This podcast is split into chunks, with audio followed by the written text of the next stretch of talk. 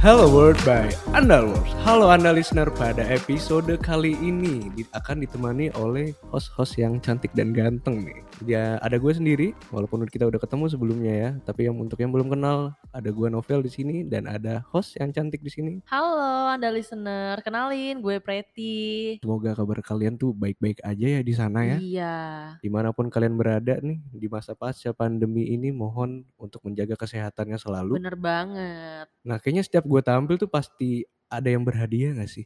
Kemarin gue tuh ngomong ngumumin tentang kuis. Sekarang gue mengumumkan siapa pemenangnya. Wah, Keren banget. uh, Jadi stay tune aja di podcast kami yang ada di beberapa platform seperti di Apple Podcast, Google Podcast, Spotify, dan Anchor. Ya, Ada listener juga harus kepoin nih soal media kita di aplikasi Instagram dan Twitter di @underworks.id dan best of luck bagi para pemenang beruntung di kuis kali ini ya. ya bener banget. Untuk yang ikut kuis dan gak kepilih ya namanya jangan berkecil hati ya Pel ya. Jangan. Karena selanjutnya kita bakal ada kuis yang lebih, lebih, lebih Lebih meriah lagi lagi. daripada ini. Ini baru permulaan ya. Baru permulaan saja. Bener. Nah, jadi di episode kali ini kita akan membahas tentang topik yang cukup seru nih bagi pengguna sosial media dan internet Iya. di zaman yang serba teknologi nih, Digital. yaitu digital marketing. Ya. Nah, sebelumnya gue pengen ceritain nih Priti, pengalaman gue. Apa tuh? Gue merasa ada perubahan setelah adanya digital marketing tanpa perlu belajar tentang digital marketing itu sendiri. Jadi dulu gue punya keluhan di saat sebelum adanya digital marketing, kayak Mm-mm. Pernah gak sih Anda listener juga ya maupun Priti merasa risih jika ditawari barang atau jasa di saat kalian tuh lagi nggak nyari? Mm. Kan risih banget Risih gitu banget sih itu. Nah hal ini tuh terjadi karena ada yang dinamakan akan adanya soft selling dan hard selling di Iya. bidang marketing. Di bidang marketing ya. Kalau yang tadi kita bahas itu hard selling ya. Bisa dibilang hard selling bikin orang risih, ya itu benar banget. Bener. Contohnya, ada sistem penawaran suatu produk, barang atau jasa melalui telepon langsung atau mobile yang tidak Mm-mm. terarah atau secara random saja. Oh, Kayak di situ gue merasakan banget. Gue ditelepon sama salah satu sales mm-mm. yang di mana di posisi itu gue lagi nongkrong, Iya. lagi nongkrong asik sambil megang HP. Tiba-tiba cerita ya obrolan kita tuh di tongkrongan itu tuh Lagi keputus. seru ya. Iya keputus aja gitu gara-gara ada mbak sales ini. Waduh. Kayak gue tahu dong tempatnya di mana. Waktu itu kita pernah bareng ya. Nah jadi kayak vibe-nya tuh gue jadi kerasa terburu-buru aja dan pengen langsung Bener. matiin telepon. Tapi Bener. balik lagi gue kasihan sama salesnya. Karena Mm-mm. itu kerjaan dia dan dia punya hati juga gitu. Mm-mm. Terus kalau lu Prit punya nggak pengalaman sama kayak gue? Ya sama sih kayak gue lagi nongkrong di suatu tempat dan itu ngobrolnya lagi seru banget. Mm-mm. Tiba-tiba ada mbak-mbak yang nawarin. Aduh, Nawarin apa nih? gue tuh orang yang kalau ngomong, kalau di distract itu kadang langsung lupa pel. Jadi mbak-mbak ini Oh tuh ganggu banget. parah Gue lagi ngobrol, lagi bahas topik seru kan. Mbak-mbaknya datang, terus nawarin-nawarin, gue bilang oh enggak dulu mbak. Mm-mm. Terus gue udah lupa apa yang gue omongin tadi. Jadi distract ya. Itu kalau di ilmu gue. komunikasi namanya noise itu. Noise. Noise. Makanya itu hal-hal itu aduh jauh-jauh deh. iya, kesel banget. Nah, jadi sebenarnya dari pembahasan kita yang tadi, gue pengen, yang gue pengen tuh dari digital marketing atau marketing itunya sendiri, Mm-mm. itu dipekain akan suatu hal yang gue cari. Apalagi ya, manusia pada dasarnya tuh ingin dipekakan akan suatu hal dengan Mm-mm. adanya digitalisasi marketing. Bener. Konsumen tuh jadi bisa nget, langsung aja tuh ngetik kayak apa yang pengen dia cari Iya. di website atau di search engine Google itu. Mm-mm. Ya misalkan gue pengen nyari nih kopi Iya. americano. Mm-mm. Nah dari situ tuh bisa langsung keluar website yang di mana apa Langsung munculin pelaku ya. usaha itu tuh jual itu gitu Iya dan di- itu udah dipersonalisasi dengan Bener. personal gue sendiri Itu di mana namanya SEO, Vel. SEO ya. SEO. Kalau nggak salah kepanjangannya Search Engine Optimization. Optimization. Nah Oke. itu kayak misalnya lo lagi nyari nih Mm. kopi terbaik di Indonesia. Oh iya paham paham paham. Muncul tuh website kopi terkenal. Sebut apa kopi terkenal? Kopi kenangan. Nah iya kayak gitu. Iya karena dia udah Tapi itu lebih ya. lanjut lagi sih nanti kita bakal bahas lebih lanjut lagi tentang itu ya, Oh ya. jadi udah berarti biar lebih jelas nih dalam menggali mengenai digitalisasi marketing sebenarnya pengertian dari digital marketing itu apa sih Prit? Yang gue kutip nih dari menit.co.id. Oke. Pengertian digital marketing itu adalah strategi pemasaran produk menggunakan media digital Entah itu yang berbasis internet atau media digital, Vel. Artinya, segala kegiatan pemasaran yang tujuannya untuk memasarkan menggunakan akses internet, mobile phone, atau media media digital lainnya itu sudah termasuk digital marketing. Oh, ini nggak sama aja kayak jualan online nggak sih? Beda. Beda ya? Nah, kalau jualan online itu kan kayak kita cuman foto, upload, tinggal terus dapat duit ya. Mhm. Tapi kalau untuk digital marketing ini tuh more than that. Kita perlu memikirkan strateginya itu seperti apa, Pel. Misalnya lu Oke, mau jualan baju, oke. lu tuh harus tahu, eee, nanti gue itu bakal promosi di mana. Dan itu gue bakal, eee, konsumen gue nih harus yang umur-umurnya berapa gitu loh. oh ada target pasarnya ya? Ada target pasar, ada customer list, jadi kayak Mmm, bukan cuma sekedar jualan online doang gitu. Lu tuh harus bener-bener memperhatikan mmm, konsumen lu sendiri, oke gitu. benar-benar ada personal dari konsumen itu Bener. sendiri ya? Kayak lu tuh harus membangun framework-nya terlebih dahulu, Vel. Oke. Kalau enggak, ya online lu nggak bakal laku. Karena lu nggak tahu apa yang dibutuhin konsumen lu, konsumen lu, eee, mayoritas itu umur berapa, lu nggak bakal tahu. Lu cuman kayak foto, upload, tinggal, udah, ya nggak bakal maju. Oh makanya itu dinamakan strategi digital marketing. Marketing, Nah ya. berarti kalau kita masih mengingat nih yang di zaman dahulu ada metode konvensional, Ya, itu kayak kita kan mau beli barang nih baju kita datang dulu gitu ke datang pasar ke atau ke mall. langsung. Bener, kayak kita lihat nih bahannya gimana, Mhm, dipakai, di apa iya tuh, di fitting room ya, iya, kita pakai. Nah itu udah sekarang cuman dilihat aja ya dari HP itu langsung gitu ya? bener. Kayak misalnya lo lagi mau beli baju di e-commerce, oke.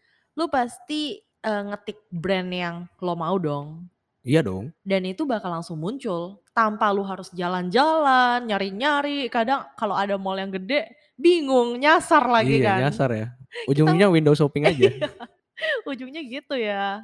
Nah berarti ini kita dalam zaman yang canggih ini, Heeh, itu bener nggak sih kita harus masuk ke digital marketing itu sendiri? mmm, tahun 2022 lu belum masuk ke dunia digital marketing, lu kacau sih, Vel. Emang parah segitunya parah ya kalau nggak masuk gitu digital marketing? itu. Karena nih, Bill Gates tuh kenal nggak lu Bill Gates? Kenal Nah, dong. dia tuh pernah bilang gini, "If your business is not on the internet, then your business will be out of business." Oke, Lu paham artinya? paham gue artinya. Nah, kalau bisnis lo saat ini nggak ada dalam dunia digital, internet, dan pencarian, ya siap-siap aja buat bangkrut. Tuh dengerin Anda listener ya, Nah, itu Anda ikutin apa kata Bapak Bill Gates. Nah, yang artinya Anda listener dan semua orang yang ada di dunia ini sangat perlu, perlu, perlu banget membangun sebuah dunia digital. Dan kita juga belajar dong ya dari brand-brand sebelumnya. Oh apa nih, emang ada nih kasus-kasus yang Wah, asik? lu pasti tahu Nokia? Tahu Tahu. dong. Nah, Nokia itu dulu keren banget ya. Iya, HP pertama gue HP tuh, pertama lu HP ya. pertama gue parah. Dia itu Nokia tuh kan brand yang sangat-sangat berjaya ya pada masanya. Pada masanya. Tapi sekarang tumbang, karena Nokia itu nggak mengikuti perkembangan zaman. Mmm, kalau nggak salah dia nggak ngikutin perkembangan jangan zamannya itu, dia nggak pakai touchscreen ya? Bener. Oke. Nah dan juga Nokia CEO dari Nokianya bilang tuh dia nggak melakukan kesalahan.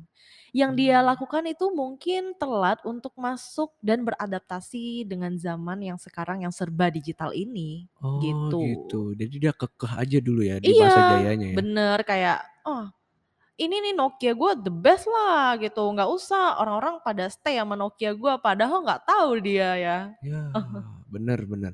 Jadi jangan terlalu merasa di atas ya, karena Bener, dengan walaupun kalian sudah di atas, kalian juga tetap harus mengikuti perkembangan zaman. zaman. Karena dunia itu akan terus berubah. Benar, dan akan terus berinovasi, Bener, dan begitu pula kitanya nih kita akan juga. berevolusi dari segi Bener. mindset, kultur, dan lain-lainnya. Ya, nggak mungkin dong kita sampai sekarang masih mau stay sama Nokia ya. Iya sih, Ya gua walaupun kelebihannya ada sih tahan banting ya, ya. iya sih kelebihan tahan banting ya. Makanya ya gue nggak ngeliat tuh di mall-mall ada booth Nokia tuh nggak ada, Iya, adanya tuh Samsung, Samsung, iBox. iBox, Digimap. Nah selain Nokia nih ada nggak perusahaan lainnya nih yang terjebak di masalah yang Ada. sama? Apa Lu tuh? tahu Kodak? Oh tahu kamera Kodak kan? kamera? Tahu tahu Nah, tahu. dulu tuh mungkin bukan di zaman kita ya, karena kan kita zaman 2000-an. Oke. Mungkin Kodak itu di zamannya orang tua kita, Vel. Oh iya, ya benar benar benar. Kamera mau foto Kodak. Kodak tuh udah kayak identitas yang paling utama lah, Mhm. Kodak, Kodak kamera gitu. Fotografer zaman baheula ya. Iya. Nah, Kodak ini dulu tuh kan emang berjaya banget untuk brand kamera ya, Vel, ya. Oke, Tapi benar. perusahaan dari Kodak ini tuh kayak kekeh sama kayak Nokia ini, kayak dia tuh memproduksi kamera analog secara gede-gedean, besar-besaran, Mmm. akhirnya dia nggak mau kayak muncul tuh digital, dia nggak mau nggak mau ngikutin. Dia Oke. tetap kekeh memproduksi secara besar-besaran kamera analognya. Akhirnya ya didahuluin oleh kompetitornya. Mmm, ya paham gue sih di mana orang-orang udah udah pindah ke digital, kan digital otomatis kayak orang pertama kali nemuin digital kayak memori kan pakai memori ya, kalau Mhm. analog kan pakai kaca film Iya. ya. Eh pakai bukan kaca film, apa, Eee, film apa, foto film gitu ya. iya. Kan itu kan lebih mudah kalau ada memori ya, Iya, kita bisa bener. foto tanpa perlu cuci foto itu sendiri. Bener. Dan harusnya tuh dengan melihat perkembangan segitu signifikannya tuh Kodak harusnya sadar sih ya. Bener, nah ini kesalahan gitu loh. Benar benar. Kesalahan Kodak kamera ini sendiri. Kenapa dia nggak dari awal mau memproduksi kamera secara digital, kenapa harus produksi analog secara besar-besaran? Karena dia Ya, pede. karena dia terlalu pede Terlalu ya. pede ya. Bener, terlalu pede. Anda listener jangan terlalu pede ya. Ya, nih gue juga bisa nih ngasih satu contoh nih, ada nih Apa? perusahaan yang kayak, ya sama lah kayak dua perusahaan tadi. BlackBerry. BlackBerry, wah, wah iya bener banget. Pada Pak. zamannya orang yang punya BlackBerry itu kaum kaum elit. Bener. Walaupun anda gue masih dulu di sekolah. juga pakai dan kayak udah dianggap, wah BlackBerry cuy, HP-nya gitu. Iya, ada Gemini, Bolt ya. Gitu Pin BB lu berapa, Pel? Aduh, masih inget gak ya? gue udah lupa sih anda listener. kayak pin BB itu kan uh, abjad dulu ya. Abjad dulu. Kayak YT 065 iya, gitu. Hmm, ada, di, seingat gue tuh gue ini F2J apa gitu. gitu ya. Nah, jadi tuh saya ingat gue ya. Uh -uh. Itu kasusnya terjadi di mana dia terlalu bangga akan keyboard yang dia miliki. Bener. Itu keyboard QWERTY. QWERTY. Nah, itu dulu laku, laku banget sampai ada bukunya. Mm -mm. Di mana dia dengan modal BlackBerry aja usaha dia tuh tembus Bener, seratus gue juta. pernah, eee, lihat buku itu. Hmm. Itu judulnya ini kan yang Tembus 100 Juta Modal BlackBerry. Ah iya benar benar, Itu wah kan, buku kita itu bacaan kan? kita sama ya. Iya. Tos dulu tos. Tos. Nah itu buku yang berjaya banget, yang Mhm. menunjukkan bahwa BlackBerry ini emang seberjaya itu pada masanya.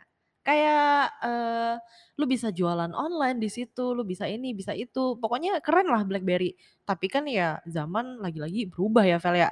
Ada Mmm. kompetitor kayak Apple, eee, Vivo, Oppo Oppo. yang mendahului mereka dan yang membuat kam eee, HP menjadi digital banget Bener gitu. sih, udah mulai zaman-zamannya touchscreen tuh itu ya. Touchscreen, tapi si BlackBerry ini tetap mengagungkan keyboard-nya. Nggak mau tuh Mmm. dia pindah ke digital yang bisa touchscreen, nggak mau dia. Dia tetap kekeh sama keyboard-nya yang kayak gitu, gitu.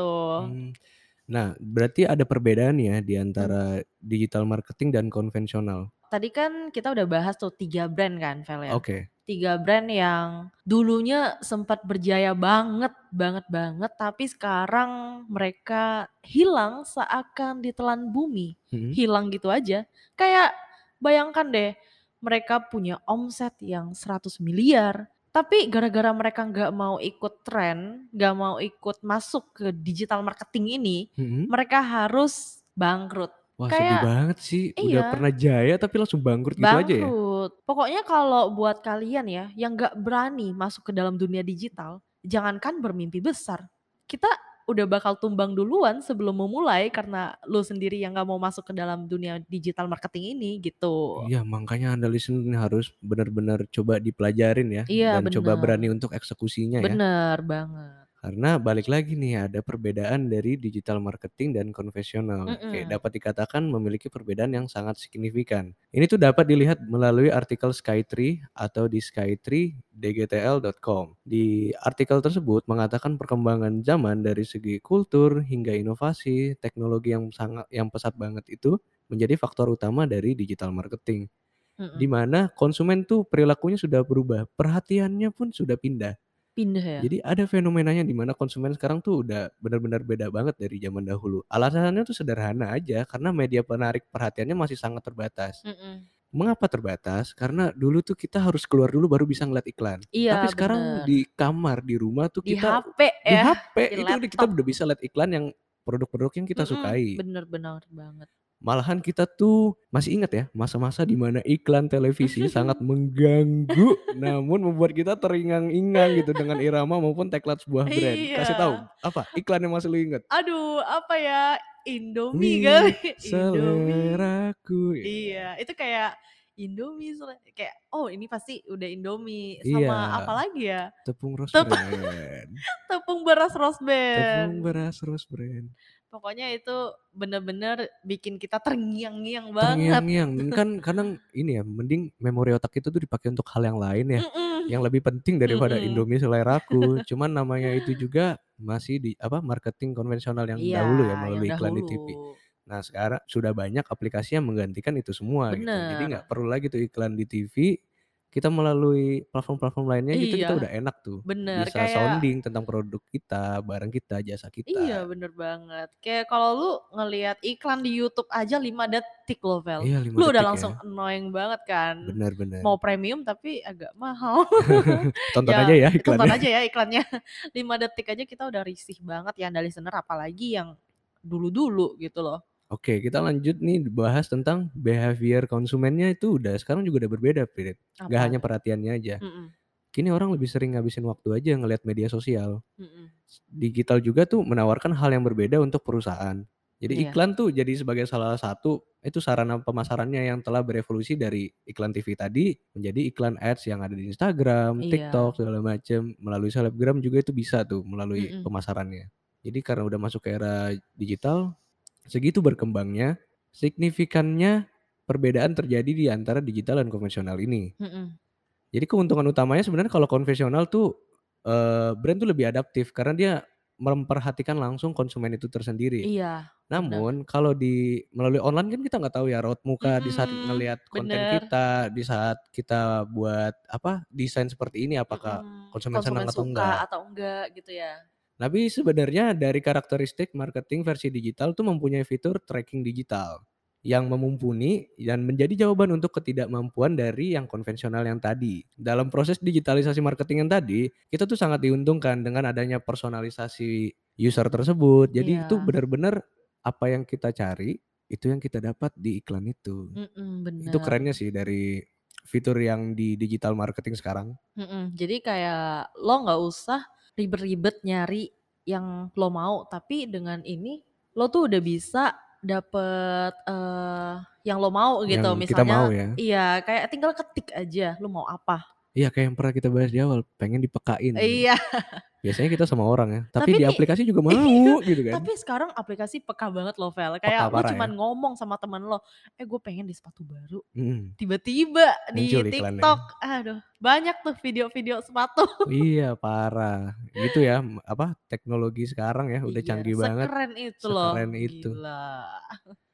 Oke, berarti untuk digital marketing ini ada tren-trennya nggak sih sekarang? Ada, jadi, eee, gue bakal ngebahas nih, tren strategi digital marketing di tahun 2022, Oke. yang harus semua orang, anda listener, lo, gue, ikutin pokoknya. Jadi kayak kalau lo nggak ikutin ya siap-siap run out of your business gitu. Nah yang pertama itu ada video marketing. Nah beberapa tahun terakhir ini tuh video marketing tuh sedang, eee, berjaya-jayanya pada di beberapa, eee, sosial media ya, Vel, ya. Mhm.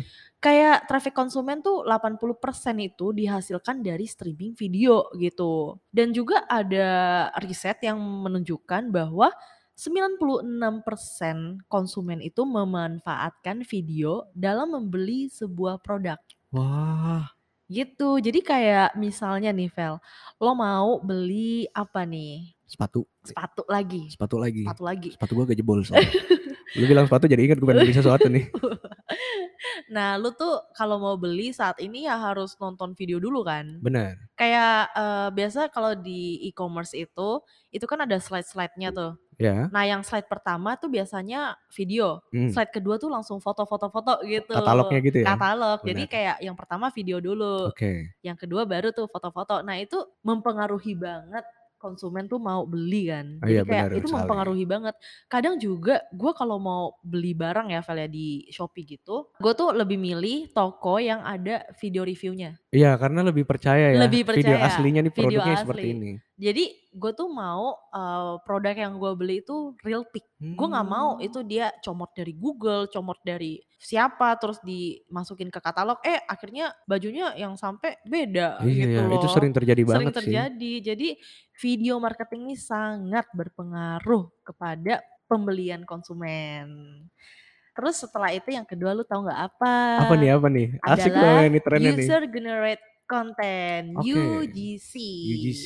Nah UGC ini adalah konten yang dibuat oleh konsumen itu sendiri. Kayak contohnya, eee, contohnya kayak lo pasti pernah sih ngelihat, eee, toko suatu brand, tapi yang bikin videonya itu dari konsumennya langsung. Pernah nggak lo? Oh pernah, itu review-review gitu nggak sih? Review review kayak, eee, "Ini hai guys aku baru beli sepatu baru nih dari toko ini," gitu. Oh iya iya iya, paham paham. Nah itu tuh namanya UGC. Jadi, eee, konten tuh dibuat oleh konsumennya sendiri, karena perusahaan itu menawarkan hadiah, Oh giveaway, dengan syarat ya harus bikin konten gitu. Oh gue pernah mengalamin juga ya, itu Mhm. juga terjebak gue sebenarnya ya. Oh kenapa tuh? Gue pernah ini beli Bittersweet by Najla. Iya. Itu katanya dia mau bagi-bagi emas, tapi gue nggak dapet emasnya. Wah. Tapi gue tetap buat kontennya, sampai sekarang nggak gue hapus. Oh ya? Berarti untungnya di Bittersweet by Najla ya. Nah itu. Itu namanya UGC berarti? UGC.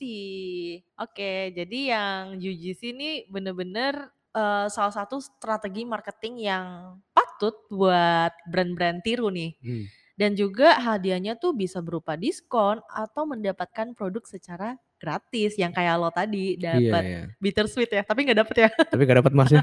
Anda Ya belum sudah, beruntung. yang penting kontennya dulu. Konten aja dulu. Makan dulu yang Ma manis-manis.